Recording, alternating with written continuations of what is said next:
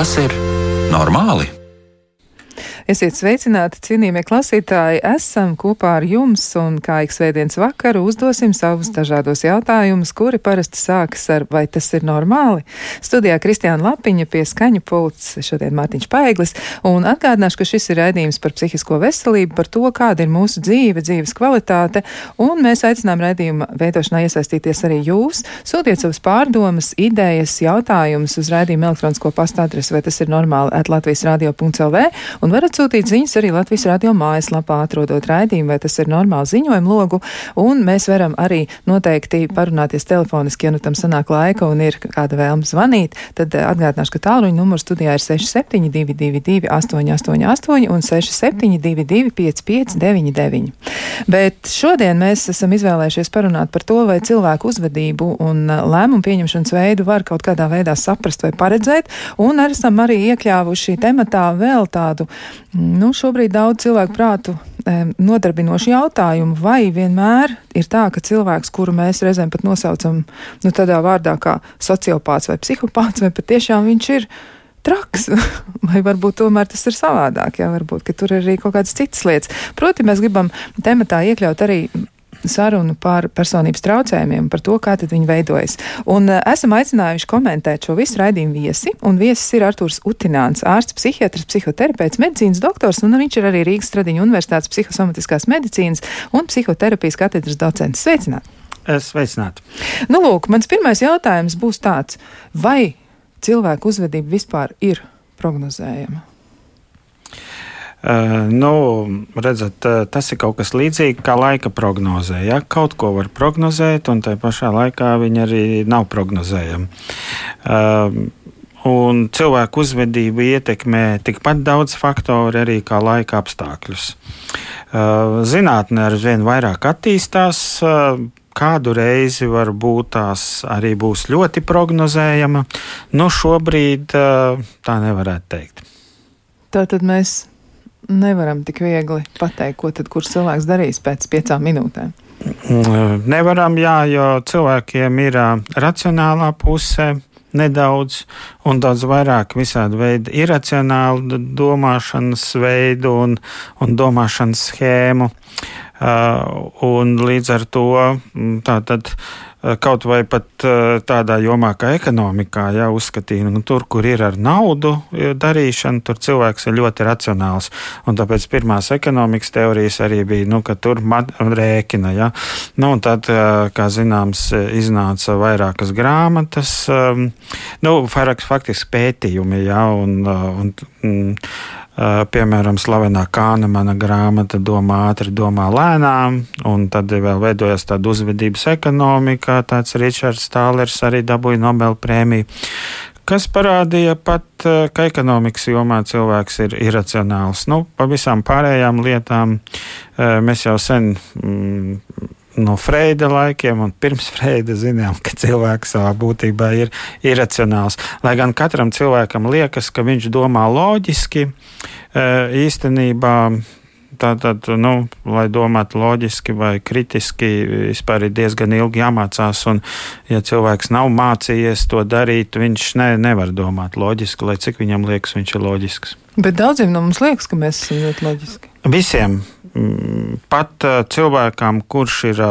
psihozē, kuram liekas, ka, piemēram, viņu vajā citi planētieši vai tur uz viņiem iedarbojas psihotronie ieroči no kādas kosmiskas planētas, viņš arī domā, ka, ka, ka domā loģiski.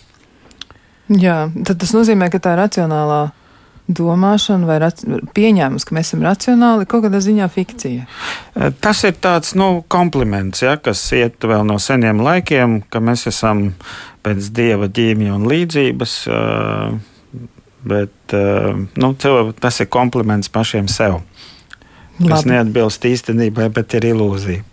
Jā, bet nu, vēl mēs varētu parunāt par tiem faktoriem, kas ietekmē būtiski cilvēku uzvedību. Ja mēs vēl pagaidām nerunājam par personības traucējumiem, bet mēs runājam par nu, cilvēku parasto. Nu, tā tad nu, mēs, liela daļa, droši vien liela daļa no populācijas ir tādi cilvēki normāli, ja, lai ko tas nozīmētu, bet nu, tiešām tādi normāli, parasti cilvēki. Kā tad ir ar mums tādās krīzes situācijās, kas varētu būtiski ietekmēt mūsu uzvedību un kāpēc tad tā kļūst tāda arī grūti paredzama?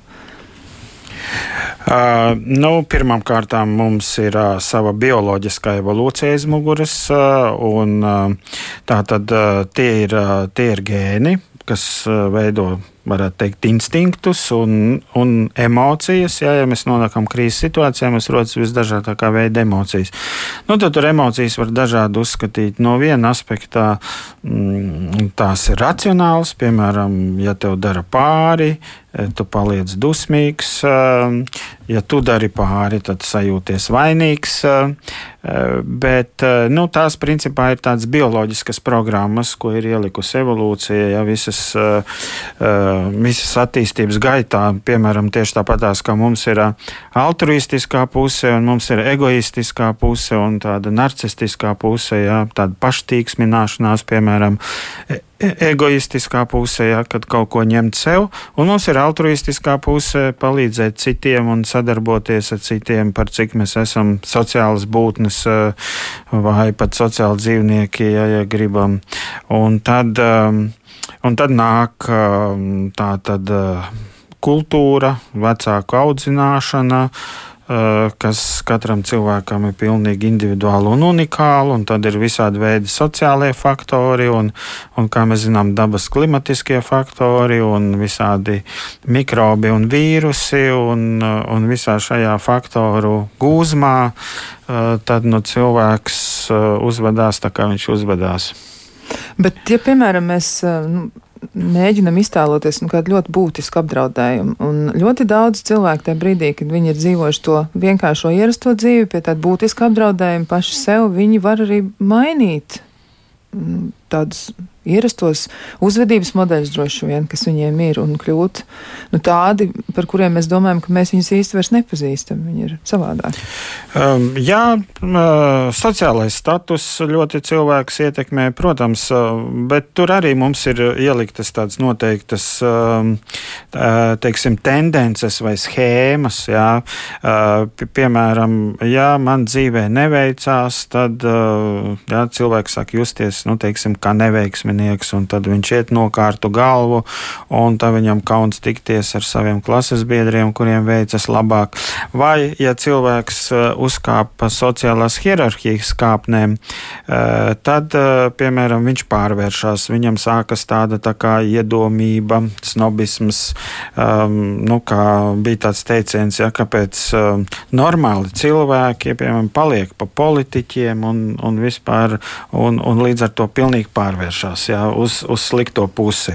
Un, um, tas ir klā, piemēram klasiskais eksperiments, kur bija tur um, uh, cietumnieki un cietumsargi, piemēram, un, un, un, un uh, ko sadalīja tur nezinu, studentus kaut kādas divā, uh, divās grupās, jā, tas, uh, tas eksperiments. Um, Tā tad uh, beidzās ļoti slikti, kur cietumnieki sāka pazemot, uh, tas ir cietumsargi, es atvainojos, sāka pazemot tos cietumniekus, bet ja viņus apmaina vietām, jā, tad bijušie cietumnieki tad, uh, atkal sajūt savu varas sajūtu, jā, un tad uh, sāk pazemot. Uh, tos, kas tagad ir cietumnieki. Ja? Tā tad zemākā, zemākā hierarhijas kategorijā. Jo aktivēs, piemēram, tāda emocija kā nicinājums, ja? pret tādiem, kas uh, atrodas hierarhijā zemāk, ja? tā saucamā viņu devalvācija. Un, un tā ir uzreiz nu, kā, uh, pavisam cita uzmanība, uzvedība. Jā, tāpēc, piemēram, ir grūti paredzēt, uh, kā cilvēks paliks, uh, kāda personība, ja viņš, uh, nu, piemēram, pēkšņi tiks pie varas. Jā. Varbūt tās, ka, nu, kā saka, vara viņu nesabojā, bet, uh, bet nu, piemēram, daudzas tur varas sabojā. Vai arī, piemēram, cilvēks paliek tur, teiksim, pa kaut kādu čempionu, tur pasaules vai olimpisko, jā, un tas arī var izmainīt viņa personību. Kā mēs zinām, ir tāds termins zvaigžņu slimība. Nu, tā nav īsti slimība. Tas, uh, parādās tāda iedomība ja, un, un, un, un augstprātība. Tad izskatās, ka sociālais status, jeb sociālais stāvoklis tomēr var ietekmēt cilvēku, pat ja viņam iepriekš nav bijis nekas raksturīgs tāds, par ko mēs varētu teikt, ka tas ir kaut kāda patoloģiska iezīme. Uh, jā, jā, tas ir pavisam normāli cilvēki. Mēs, mēs mainamies atkarībā no kādā sociālā statusā, kāda panākuma mums ir vai nav dzīvē. Tas pilnīgi ietekmē, ietekmē, vai cilvēks dzīvo viens, vai viņš dzīvo attiecībās ar kādu. Uzreiz arī kaut kā jau nu, cilvēks veidojas savādāk. Vai cilvēkam bērnības pieredze ir bijusi veiksmīgāka vai mazāk veiksmīga, uzreiz arī viņu ietekmē attiecīgi veidojot kaut kādas nostādnes un kaut kādas raksturīpašības tālākajā dzīvēm. Jā, mēs redzījām pieteikumā arī iekļāvām vārdu sociopāts, un tieši ar domu, ka mēs varētu parunāt par personības traucējumiem. Kā vispār var nodefinēt personības traucējumus? Kas tas īsti ir? Nu, personības traucējumu to varētu nodefinēt kā rakstura patoloģiju. Jā, tā tad visiem mums ir visdažādākās rakstura īpašības, kā jau es teicu, piemēram, altruisms, egoisms vai vēlme dominēt, vai tendence dominēt un tendence pakļauties vai skop kopums un devīgums, vai teiksim, mēs paužam kaut kādas siltas emocijas, vai paužam dusmas vai nicinājumu. Un, un tā, tās ir tādas īpašības, kas attīstības gaitā nostiprinās. Ja? Uh, un paliek tādas dominējošas. Tad, tad veidojās kaut kāda rakstura akcentuācija, kā teica agrāk, uh, vai pat uh, personības patoloģija. Tātad, ja cilvēks ir vesels, viņam šīs, nu, teiksim, tā psihiski vesels, viņam tās īpašības ir līdzsvarā. Mums, piemēram, vajag spēju uzticēties un spēju neusticēties. Ja jūs tikai visiem uzticēsieties, jūs sāks mānīt tur un izmantot. Jā. Um, Savukārt, ja būs tikai neusticība, tad nevienam neusticēsies. Tā ir tā kā paranoja, jā, tad uh, savukārt nebūs draugu, cilvēks jutīsies vientuļš un no visiem uh, sajutīs distanci. Uh, tāpēc abas īpašības mums ir nepieciešamas. Jā, uh, un, bet uh, viņas var, uh, var izveidot kaut kādu nu, dominējošu tendenci. Tāpat kā mums ir nepieciešams veselīgs egoisms. Uh, ja cilvēkam nav veselīga egoisma, viņš nespēja aizstāvēt savas intereses, nespēja nospraust uh, robežas, uh, un, un tad viņš paliek tas, kas saucās uh, psihoterapijā patoloģisks altruists. Ja visiem tikai izpatīk, nevar pateikt nē, ja kādreiz pasaka nē, tad jūtas vainīgs. Um, Vai arī otrādi, lūk, kā psihopāts vai sociopāts, viņam sāk dominēt, piemēram, tikai egoisms un narcisms, un savukārt pārsvarā viņš nekad vainīgs nejūtās un, un neko labu citiem cilvēkiem nedara, cenšas tikai cilvēks izmantot uh, savās interesēs. Lūk, um, Tātad um, patoloģisks raksturs veidojas, ja vienas tā, viena tāda īpašība sāk dominēt, a, otra īpašība tiek apspiesta un pamazām izzūd. Tā sakot, smadzenēs izzūd sinaptiskās saites, ja, kas ir tādi ieslidināti celiņi, ja, ieslidināti celiņi veidojas viena īpašība virzienā, un savukārt nekādi celiņi neieslidinās vairāk, piemēram, tās citas īpašības virzienā. Bet cik vispār populācijā ir cilvēki, kuriem ir personības attīstības traucējumi? Uh, nu, no katra tipa, kas šobrīd ir tā diagnostiskajā klasifikācijā, uh, nu, teiksim, no 1 līdz 2 procentiem, kas tā saucamie precizētie personības traucējumi. Uh, tad ir vēl tādi visādi retie kas ir neprecizētie personības traucējumi, jā, kuram mm, nav iedots kaut kāds konkrēts vārds. Bet atgriežoties pie sociopāta, kāds tad ir sociopāts? Jo mēs nu, esam dzirdējuši šo apzīmējumu, psihiatri, psihoterapeiti to lieto ar to domājot kaut ko ļoti, ļoti konkrētu. Viņiem ir skaidrs, kas tas ir. Tad Kas ir sociopāts? Kā, kā viņu raksturot? Sociopāts ir, kas kā, nav socializējies, tātad tāpēc pātija, ja tur kaut kāda patoloģija, un kas pārsvarā domā par sevi un, un teiksim, manipulē ar citiem, izmanto citus un par to nejūtās vainīgs. Ja? Tā tad varētu teikt, ka ļoti izteikta egoistiskā, narcistiskā puse, bet nav um, ļoti vāja ir altruistiskā puse. Ja? Plus, nu, sociopātija tad var kombinēties, nu, varētu teikt, ar antisociālas personības traucējumu, ja, kas ir paaugstināts agresivitātes līmenis vai pat, teiksim, sadisma līmenis, ja, kad cilvēku ciešanas tad vienā gadījumā variantā var izsaukt vienaldzību, jā, teiksim, vienkārši man kaut ko vajag un viss. Jā. Un citos gadījumos smagākos var izsaukt pat baudu. Jā. Tur, kur normāli cilvēks redzot cita ciešanas, sajutīs vainas apziņu, tur, teiksim, tāds psihopāts sajutīs baudas sajūtu.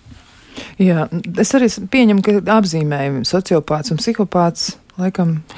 Ir uh, daudzi dažādi apzīmējumi, piemēram, lieto vārdu psihopāts, sociopāts, antisociāla personība, disociāla personība. Eh, dažreiz tos lieto kā sinonīmus, citreiz nošķir. Ja, piemēram, psihopāts eh, lieto tādā nozīmē, eh, šaurākā nozīmē, ka tās ir diezgan lielā mērā iedzimtas īpašības. Mm, ir tādu veselu tādu īpašību komplekts, piemēram, tātad mazāk sajūt trauksmi, ir augstāks fizisko sāpju slieksnis, tā, reti, kad sajūtas skumjš, reti, kad jūt nožēlu un reti vai vispār nejūt vainas apziņu. Un, Un tā tad, nu, teiksim, līdz ar to, piemēram, tas, tās īpašības var izpausties jau no bērnības. Teiksim, vecāki jā, soda tādu bērnu, pat fiziski soda. Viņš no tiem fiziskiem sodiem īpaši nu, teiksim, nepārdzīvot tik dziļi kā nu, teiksim, cits bērns. O, bet tieši viņā krājās aizvien vairāk un vairāk agresivitāte. Ja? Bet arī skaitās, ka pat tādas, nu, pie tādas relatīvi normālas audzināšanas, pat nu, tas sociopāts, psihopāts var, var nostāties uz kaut kāda tāda uh, slikta ceļa. Bet nevienmēr. Ja? Jo, ja mēs mēs skatāmies, kā vispār tāda īpašība cilvēka var, cilvēkos varēja rasties, ja, tad mēs varam atcerēties, ka uh, karš nenotiek tikai tagad, kad cilvēki visu, visus savus vēstures garumā vienmēr ir karojuši. Un, um, tāds psihopāts, viņš visos vēstures laikmetos ir pie tiem labākajiem karotājiem. Ja? Mednieku sabiedrībā varbūt pie labākajiem medniekiem, un, un, un mūžīgajos karos pie, pie labākajiem karotājiem. Jā, pat ir pētījumi veikti par Pirmo pasaules karu, ka teiksim, 70% ienaidnieku dzīvo spēka. Tur tais ierakumu kaujās iznīcināja 2% no, no tiem karavīriem. Jā. Tur bija tādi, kas sēdēja pie ložmetēju un ar lielu tādu apmierinātības sajūtu šā šāva tur virsū tiem, kas nāca, kamēr citi vairāk tā kā tā, nu, apmēram šāva pretinieku virzienā. Jā, nu, bija, bija tāds, tā, tā, tāds pētījums. Nu, tā tad tie tādi cilvēki vienmēr bija pieprasīti un, un, un tā kā skaitījās kara varoņi, slaveni bruņinieki vai slaveni karavadoņi. Uh, Rekur, piemēram, Maķedonijas Aleksandrs, uh, viens no piemēriem, ļoti viegli aizsvilās un um, kaut gan Protams, iespējams, ka psihopātijas e, tieši tādas iedzimtas īpašības viņam nebija, jo tad ir otrā grupa e, tādām antisociālām personībām, ir, kas varētu, e, kam ir nu, mm, tā ģenētika normāla, bet, bet ir ārkārtīgi nelabvēlīga ģimenes ietekme. Tā tad ir auguši ģimenēs, kas, kur ir daudz fiziskās un emocionālās vardarbības. Un, o, tur gan arī ir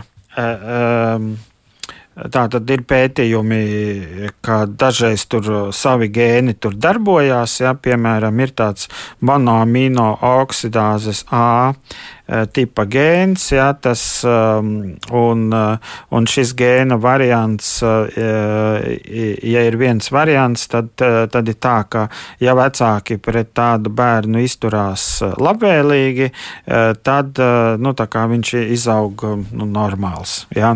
Bet, ja vecāki ir fiziski varmācīgi, tad viņš paliek tikpat fiziski varmācīgs. Ja. Nu, psihoterapeitiem ir tas termiņš identifikācija ar agresoru. Ot pie cita gēnu varianta, piemēram, būs identifikācija ar upuri, ja vecāki ir varmācīgi, cilvēks būs drīzāk depresīvs. A pie šī gēna varianta ir, ka viņš būs eh, paaugstināti agresīvs. Tas nozīmē, ka tai bērnības pieredzē arī var izrādīties diezgan liela nozīme. Diezgan liela nozīme, faktiski var teikt, eh, izšķiroša, jā, jo, jo vecāki Ehm, tātad komunikācija aktivē noteiktus gēnus. Ja jāsaprot, tā gēni paši par sevi viņi tā nu, neaktivējās. Ir e, apkārtējā vidē noteikti trigger faktori, kas tos gēnus aktivē. Un vecāki var aktivēt vienus gēnus, var aktivēt citus gēnus, var kaunināt, var visu laiku justies, likt justies vainīgam bērnam, var mm, to agresiju vai aizvainojamību uh, pastāvīgi uh, teiksim, aktivēt. Un tad šie smadzeņu ceļi ieslidinās, ja, un tas paliek pa tādu uh, konstantāku iezīmi cilvēka uzvedībā. Skaidrs. Bet, ja mēs domājam par mūsdienām, nu, mūsdienās tā situācija mazliet ir mainījusies. Nu, tīri tā salīdzinot ar to iepriekšējo laiku, ar pagātni, nav mums tie mamuti un tīģeri jāmedī, un arī nav varbūt skaujas lauks un bruņinieki ar zobeniem nekaujās, bet tas viss ir citādi. Tad Kāpēc joprojām saglabājas tas, un tā tendence ir pamanām, ka cilvēki, kuriem ir kaut kādas specifiskas iezīmes, ka viņi vai nu, piemēram, viņi iegūst vāru, jā, vai arī viņi, nu, dara vēl kaut ko tādu, kur sabiedrība viņi tomēr ir spējīgi ietekmēt, un tas atkal ņemot vērā to, kā viņi ir veidojušies, kāda ir tā attīstība, tas arī varētu būt dažos brīžos, nu, pat riskanti. Nē, bet mēs joprojām karojam, ja, un, un līdz ar to uh, nu, varētu likties, ja cilvēks, kas ir ļoti karavīgs, uh, viņš uh, varētu ātrāk aiziet bojā un neatstāt pēcnācējus. Ja gēni izzūd, tad, ja veidojas kaut kāds gēnu variants, kas ir nelabvēlīgs un neatstāja pēcnācējus. Bet nu, meitenēm joprojām patīk varoņi un tādi mačo tipā vīrieši un, un līdz ar to viņi atstāja pēcnācējus. Um, un tāpēc šāda veida gēni vēl, vēl ilgi turpināsies. Es nezinu, cik ilgi jābūt pasaulē miera periodam, lai pamazām tā kā vairāk tāda agresīva rīcība netiktu pieprasīta. Ja? Un tad pamazām šāda veida tendences izzustu no mūsu smadzeņu bioloģijas. Tas laikam varētu būt tikai tajos apstākļos, ja cilvēki pārstātu konkurēt viens ar otru vai pieprasīt. Nē, konkurēt viņi varētu, bet, nu, teiksim, pārstātu karot. Jā, bet nu, mēs atceramies, ka tomēr ir sporta veidi, jā, un, un, un ir vesela rinda visādiem tur cīņas un, un kaušanās sporta veidiem, kur nu, joprojām var diezgan labu naudu arī nopelnīt. Līdz ar to, nu, ja vēl cilvēki nepieprasītu arī tāds sporta veidu, viss tas boks kā viens, ir visādi tur cage rage un MMA un muay thai un tam līdzīgi tur nežēlīgi sit, ja tie principā mūsdienu gladiatori, varētu teikt. Nu, viņi, nu, tie, kas ir čempioni, pelna labu naudu. Viņš noteikti atstās pēcnācējs, viņš ir bagāts vīrietis. Jā, ņemot vērā arī, arī tas, ja meklēt resursus un mēģināt atrast kādu, kas spēs arī nodrošināt pēcnācēju labklājību, laikam tas arī ir tāds uh, vēlmi kopsalikums, kas nodrošinās to, ka tie gēni turpinās jā, virzīties uz nākamajām paudzēm. Bet jautājums par personības traucējumiem, nu, diagnozi, ja tāda tiek uzstādīta, viņa jau neuzstāda ātrāk kā pirms 18 gadu vecuma. Kāpēc tā ir?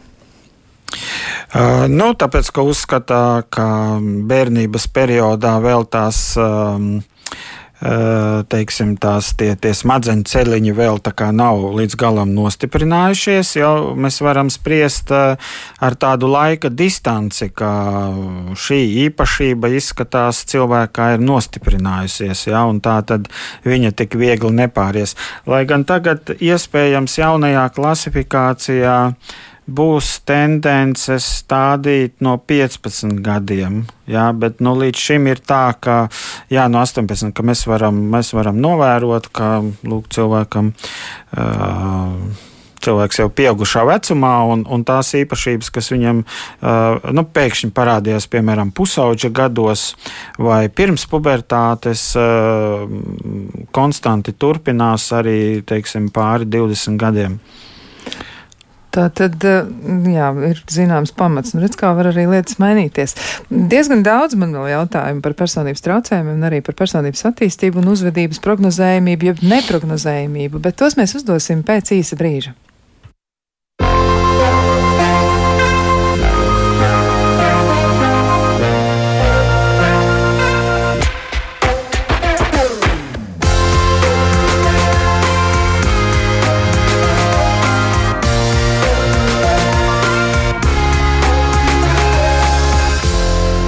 Vai tas ir normāli? Turpinām sarunu un runājam par to, vai tas ir normāli, ja kādam cilvēkam konstatē personības traucējumus, un vai tas ir normāli, kā viņš uzvedas. Un brīžam reizēm šķiet, ka negluži. Mēs mēģinām to saprast un mēģinām arī saprast par to, vai krīzes apstākļos cilvēku uzvedība mainās. Un esam aicinājuši viesu, kurš to komentē un atgādināšu ka klausītājiem, ka tas ir Artūrs Utināns, ārsts psihiatrs, psihoterapeits, medicīnas doktors. Nu, lūk, par psihopātiem un sociopātiem runājot. Vai vispār šie cilvēki mainās kaut kad, vai tas ir iespējams, kā šādam cilvēkam, kuram ir personības attīstības traucējums, nu, vai tas vispār var mainīties dzīves laikā?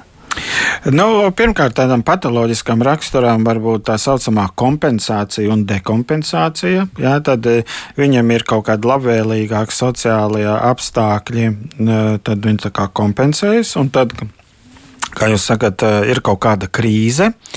Uh, un, un tā tad uh, viņš tā kā dekompensējas, ja?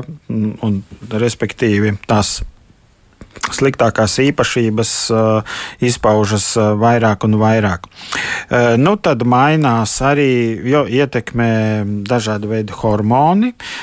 Nu, piemēram, kā mēs zinām, pusauģis sāk mainīties, jo viņiem parādās hormoni. Ja?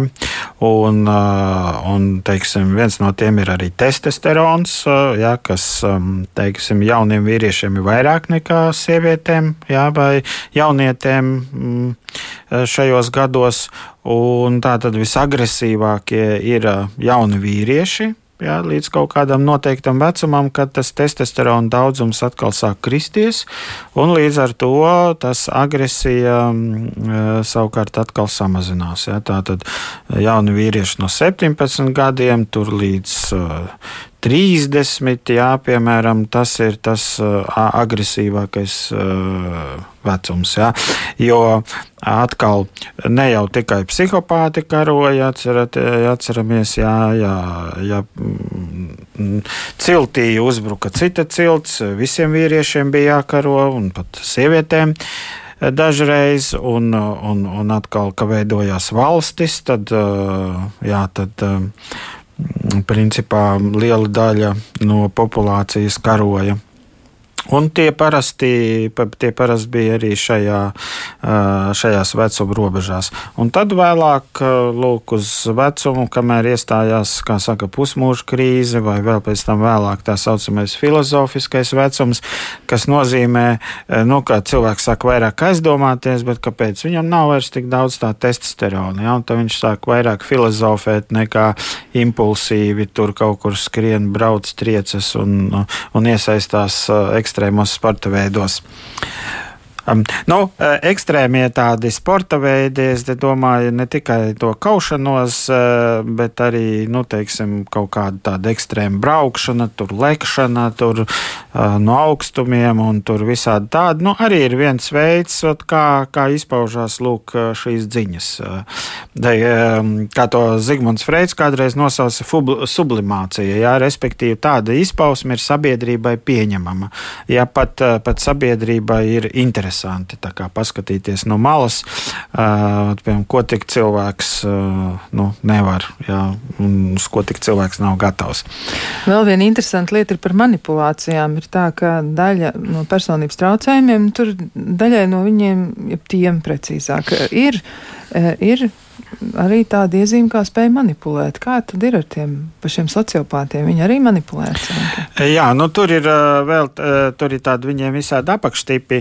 Viens no tādiem apakštipiem, tā saucamie patoloģiskie meļi un krāpnieki, kādreiz tā saucās, jā. Respektīvi, viņi nav tik daudz agresīvi, kas tur iet kauties un tam līdzīgi, bet gan cilvēkus apmāna, izkrāp no viņiem naudu, un, un šajā ziņā tas kopīgais ir nejūtas vainīgi. Jā, piemēram, laulība afēristi tur uh, iepazīstās ar sievietēm, uh, tur rakstot visādas vēstules, un tad uh, pēc tam, nezinot, kā tagad ir, neviena viena sieviete iekritus kāds tur simpātisks vīrietis no rietumiem, tur saka, ka tur ir bagāts biznesmenis, sāk rakstīt vēstules, bet tad viņš pasaka, man tagad biznesā ir problēmas, un, un, un es labprāt atbrauktu pie tevis, bet tur atsūti man naudu un tam līdzīgi, un tas sievietes sāk sūtīt, jā. Un uh, nejūt, nejūt vainas apziņu. Kaut, uh, piemēram, laulība afēristi var arī tā kā aprecēties, jā, un pēc tam pazust ar visu tur bankas karti vai tur uh, visu izņēmis no konta naudu, kaut atstāja to sievieti ar bērniem, jā, vienu pašu, un, un, un viņš vainīgs nejutīsies. Tad, tad vispār pilnīgi nemaz nedomā par to, kas tad ir tās citas cilvēku vajadzības. Tātad tur kaut kas ir ļoti nogājis greizi.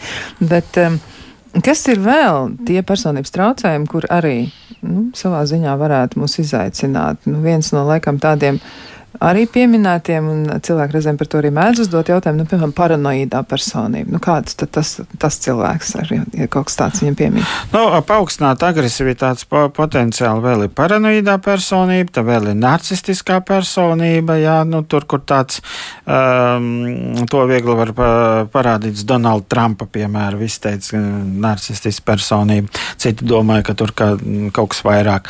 Uh, un tad, uh, emocionāli nestabila personība.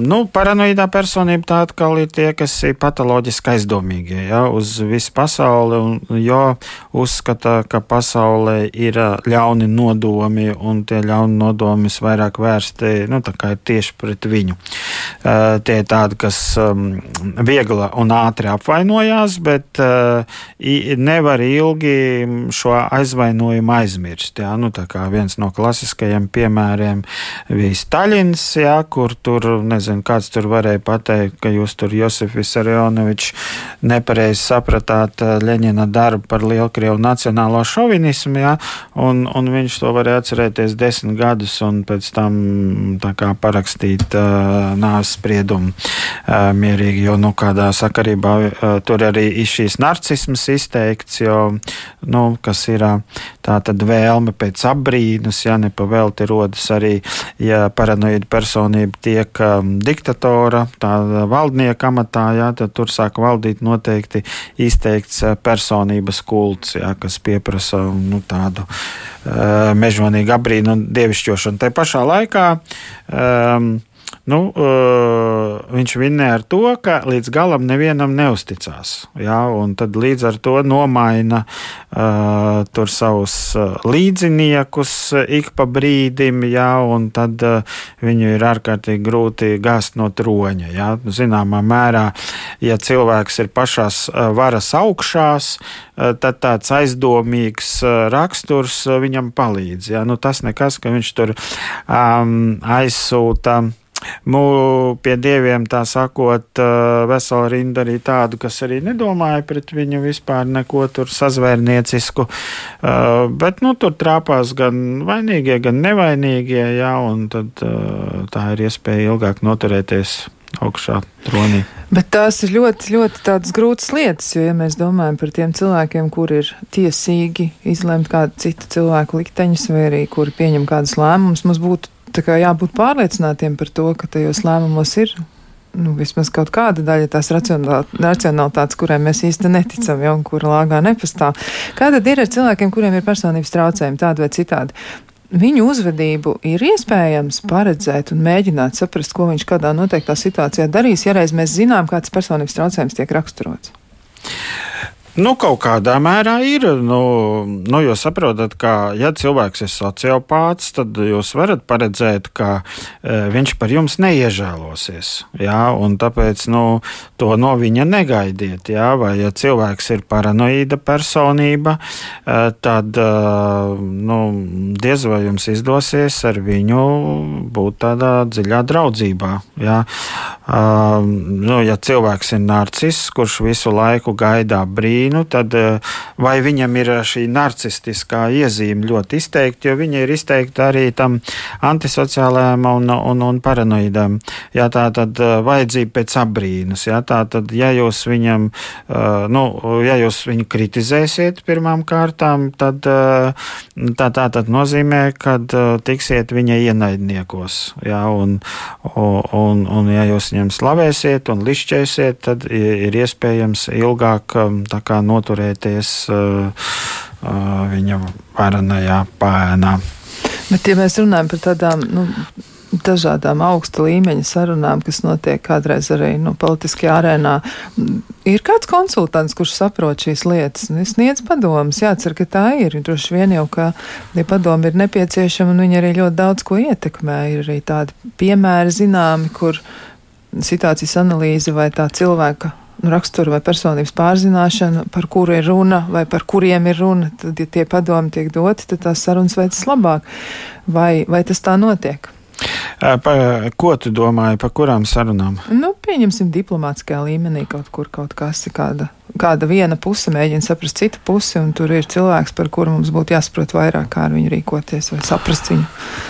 Nu, iespējams, ka kāds tādu pakalpojumu izmanto, jo tur ir visādi tur image makeri un kas tik tur nav. Un, bet, Nu, es domāju, kurš to izmanto, kurš nē. Tas ir, tas ir cik, nu, cik nu daudz cilvēks ir pats pārliecināts par savām spējām atšifrēt otru cilvēku. Jo, jo daudz cilvēku jau domā, ka nu, es esmu pietiekoši labs psihologs, man ir liela pieredze, un tad uh, man nevajag tur tādas. Jā, tikšu ar visu galā pats. Jā. Jā.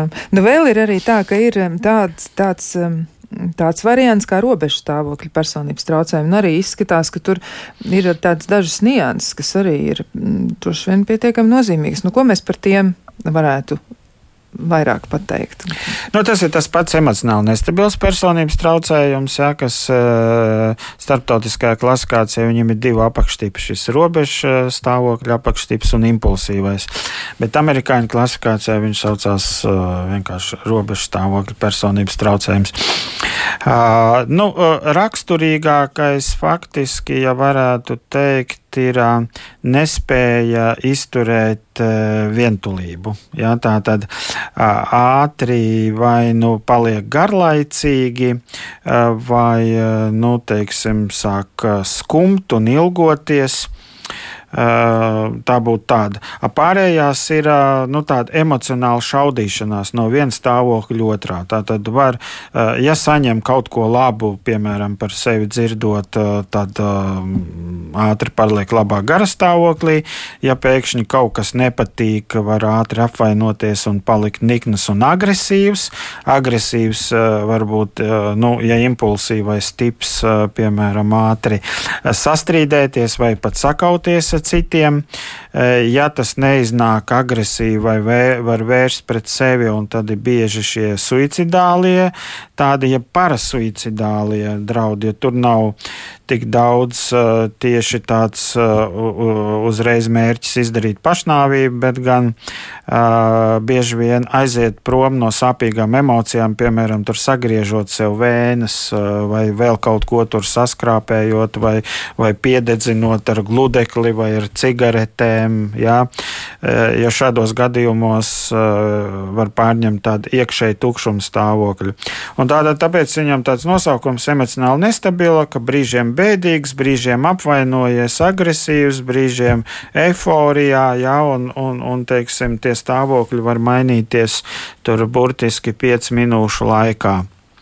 Bet nu, visraksturīgākais ir tas, ka ļoti slikti spēj izturēt uh, vientulību. Ja? Tātad, uh, kas principā nozīmē, ka ir kaut kāda atkarība ja, no, no cilvēkiem, kuru pats uh, cilvēks ne, neatpazīst, uh, nemāk izanalizēt.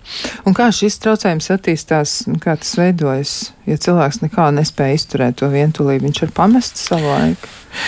Principā šeit visvairāk ir tieši ģimenes situācijas uzsvars. Jā, tā tad um, nelabvēlīga, emocionāli nestabila ģimene, arī kur uh, šī emocionālā nestabilitāte bija vecākiem vecāku strīdi un tad šķiršanās. Diezgan raksturīgi ir šķiršanās, pēc tam sanāk kopā. Ja? Kā sanāk kopā, tā pēc kāda brīža viens uz otru apvainojas un, un tā sāk strīdēties, sakaujās un pašķirās. Kā pašķirās, tā nespēja izturēt vientulību, sāk ilgoties, sazvanās, atkal nāk kopā. Kā atkal nāk kopā, tā atkal apvainojās. Ja? Tātad, tad, kad ir no, nost viens no otra sāk dominēt, ka tas otrs tomēr bija labs, un es pilnīgi bez viņa nespēju dzīvot. Kā sanāk kopā, apvainojās, ja ne, viņš ir maitavs, jo viņš man vai viņa man dara pāri. Ja? Un, un attiecīgi. Un tad, un tad pa vidu ir kaut kādas vai nu piekauja, vai nu tur vēnas griež, vai, vai, vai teiksim, nezinu, dusmās vēl kaut ko izdara, ko pēc tam nožēlo. Jā. Kādreiz jau sagadās arī, ka ir tā, ka divi cilvēki uz zemeslodes, lai cik arī daudz mēs te būtu, bet atrod divi cilvēki viens otru, kuriem ir personības attīstības traucējumi. Jā, un, un, un šeit ir kas raksturīgi. Šeit var būt tā vainas apziņa, nav tā kā psihopātam, ka nav. Ja, piemēram, tā, tad, tāds emocionāli nestabils vīrs piekauj savu sievu, un tad viņa tur uh, raud vai ir tur, nezinu, ģipsija un tam līdzīgi, un viņš šausmīgi jūtas vainīgs vainīgs. Viņš tur gatavs tagad nesēt viņu uz rokām un dāvā ziedus un tam līdzīgi. Un saka, vairāk nekad tā nedarīs. Un, un tad tā sieviete notic. Un tad līdz nākamajam aizvainojumu un agresijas brīdim, jā, un, un tā, teiksim, piemēram, nu, teiksim, sievietei var būt kaut kāds atkarīgas personības traucējums. Tāds arī ir, kur savukārt ir tik atkarīgi no tā varmācīgā vīrieša, ka arī nespēja iedomāties sev vienu un liekas, ka, nu, nezinu, kam, kad es neko labāk ne, nedabūšu, ja man ir labāk dzīvot ar tādu vīrieti nekā vienai. Jā, nu skaidrs ir viens, ka tad eh, nu, politiķu aprindās mēs droši vien sastapsim tos sociopātus jā, vai psihopātus starp mm, arī kara, kara vadoņiem un, un tādiem cilvēkiem, bet vai ir kāds personības attīstības traucējums, kurš mm, savā ziņā varētu pat iederēties kādā citā profesijā, vai arī tur varētu būt sastopami šādi cilvēki? Man nāk prātā uzreiz tas esmu histēriskā personība. Jeb, eh, vēl arī kāda. Bakteriskā, histrioniskā. Jā, histrioniskā, histrioniskā, tieši tā pie, piemēram, tur kaut kur uh, mākslas uh, arēnās. Uh, nu, teiksim tā, uh, mēs to nosauktu par rakstura akcentuāciju. Ja, ja daļa, dažas īpašības ir izteiktas nu, tā nedaudz vairāk nekā citas, ja, tad, tad rakstura akcentuācija. Tieši tāpatās kā ir pedantiska, jeb obsesīva, kompulsīva, jeb banankastiska personība. Ja, tātad pedants, perfekcionists, kas savukārt ir labi, ja, tā, ja tikai ir nedaudz šīs īpašības izteikti. Um, labs birokrāts, labs grāmatvedis, labs tur dzīvokļu meistars, kas tur līdz pēdējam sīkumam visu uztaisīs, labs zobārs, kurš tur uh, cītīgi labi salabos zobus, labs ķīrurgs, kurš tur uh, rūpīgi tur visu tur sašūs un tam līdzīgi, ja piemēram ārstu profesijā tāda vajadzīga īpašība.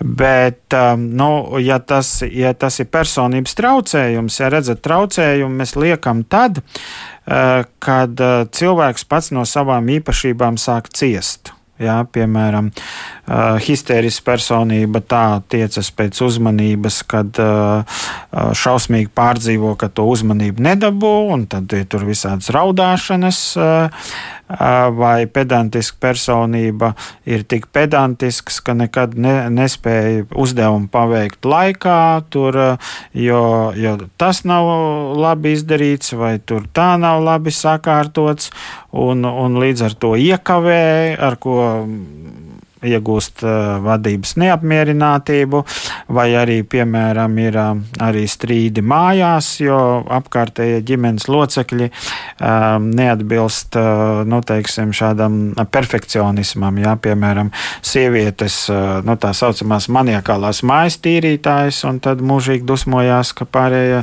neciena viņas darbu, ka viņa visu dienu ir berzusi, ko savukārt otra puse saka, ka neviens to nav prasījis. Jā, vai vai vīriešiem varbūt tāda savukārt vairāk uh, uz kārtību, jā, kad uh, visam ir jābūt ļoti precīzi sakārtotam.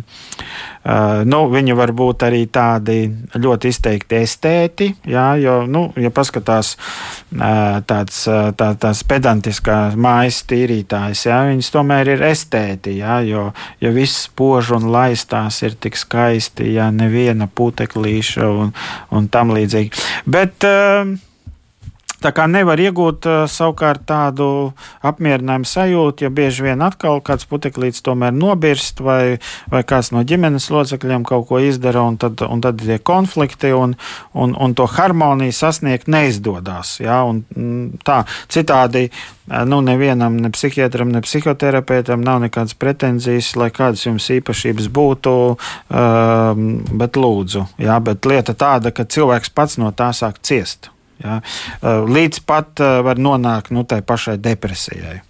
Bet vai tāda kopēja krīze, ko cilvēki piedzīvo un ko piedzīvo tas indivīds, vai tas varētu izpausties viņam smagāk vai citādāk kā cilvēkam parastajam, nu, tam, kuram ir personības traucējumi? Vai krīze varētu viņu tā īpaši ietekmēt kaut kā? Nu, krīze, krīzes laikā saka vairāk izpausties tieši tās, tās īpašības.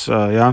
Nu, piemēram, pe perfekcionismu gadījumā, kad uh, ja reālā situācija ir tāda, eh, nu, ka nekādīgi nevar šīs perfektās prasības eh, ievērot, jā, tad attīstās piemēram ļoti izteikti paškritika. Jā, tad krīze izpaužās uh, caur tādām depresīvām vai trauksmes reakcijām. Jā, tad, jo, jo cilvēks sāk spēcīgi kritizēt sevi un var sevi nokritizēt līdz pat tādai pakāpei, ka pašnovērtējums jā, ir zemākajā punktā.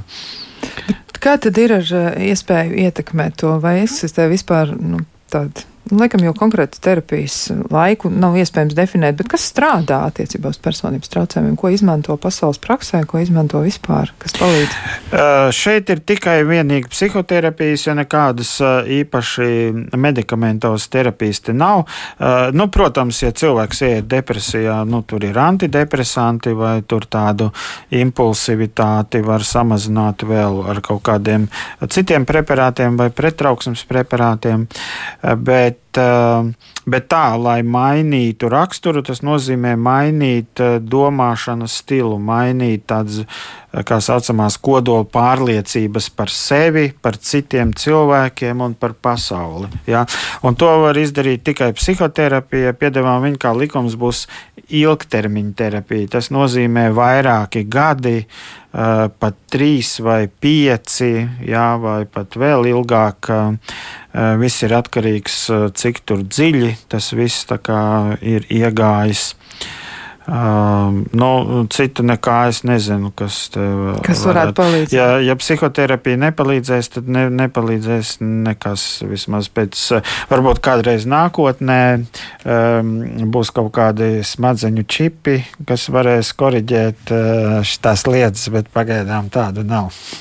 Jā, nu tad vēl viens jautājums arī par uh, to atpazīšanu. Kā tu to var atpazīt? Nu, piemēram, ir cilvēki, kas dzīvo kopā, nu, kaut vai pāris, viņi satiekas un liekas, ka ir tā kā no sākuma nu, tā labi, un pēc tam vairs nav labi. Kāds no viņiem saprot, ka kaut kas ar to otru cilvēku nav īsti. īsti. Nu, disharmonija. Principā jau jāvadās pēc, eh, pēc emocijām, jo vairāk ir negatīvo emociju, uh, tā tad tas nozīmē, jo lielāka ir disharmonija. Tad, uh, nu, tad, ir, tad ir trīs varianti, ja iestājas disharmonija. Vai nu problēma ir pašam, vai problēma ir partneriem, vai, vai, vai problēma ir abiem diviem. Jā, nu tas ir skaidrs. Nu, ko, nu tad, varbūt mēs varam šo raidījumu noslēgt arī ar tādu novēlējumu, kā uzmundrināt klausītājus un kā ieteikt viņiem, nu, lai viņi vismaz mēģina prognozēt savu uzvedību un kā viņiem to darīt. Uh, nu, mūsdienās ir uh, daudz, nu, piemēram, tādas uh, pašpalīdzības grāmatas, jo tomēr cilvēkam ir jāizglītojas, jāsaprot, ka domāšana loģiska nav un kritiska domāšana mums nav dota no dzimšanas evolūcija, tāda neparedzēs. Tāpēc viņi ir speciāli jāmācās, tātad par to ir jā, jālasa, jā, jo, piemēram, nu, cilvēks saka, nu, loģiski, ka ir tā. Jā? Vajadzētu uzdot jautājumu, pēc kura loģikas likuma lūdzu jūs vadāties. Jā? Tad vajag nosaukt loģikas likumu. Ja pasaka, loģiski tā vienkārši tā ir tā intuitīvā loģika. Uh, tā tad. Uh, Uh, nu, tas būtu jāattīsta. Tad, uh, tad uh, ir visādas apziņotības prakses, meditācijas prakses, ko var iet, lai, piemēram, nomierinātu trakojošo prātu, jā, kas jau ir daudz lielāka piepūle. Nē, nu vispār grāmatu vienkārši izlasot, jau ar nekādu efektu nebūs. Tur ir kaut kā jācenšas kaut ko savā dzīvē pārveidot saistībā ar tiem principiem, kas teikts grāmatā. Nu, ja nepalīdz šīs apziņotības prakses, meditācijā, tad, nu, protams, vēl ļoti nepieciešams ir sportot, nu, un tad paliek psihoterapija. Tā tad mēs kaut ko tomēr varam iesākt. Nu, skaidrs ir viens, mēs neesam racionāls būtnes, tāds mums ir šodien secinājums. Nē, nē, jo esam. kas ir nozīmē sev attīstīt kritisko domāšanu? Tas nozīmē, jo vairāk domāšanas kļūdu es sev atrodu, jo labāk. Jo, labāk. jo vairāk cilvēks domā, ka es esmu nekļūdīgs, jo sliktāk. Nu, rekā formula ir skaidra. Tātad, kā mums vajadzētu to mēģināt novērtēt? Ļoti labi. Tātad mums ir skola rokā. Nu, saku paldies Artūram Utinānam, ārstam psihiatram, psihoterapeitam, medicīnas doktoram un klausītājiem savukārt no savas puses novēlēšu, lai jums iespējami vairāk miera. Tiekamies nākamreiz. Jums.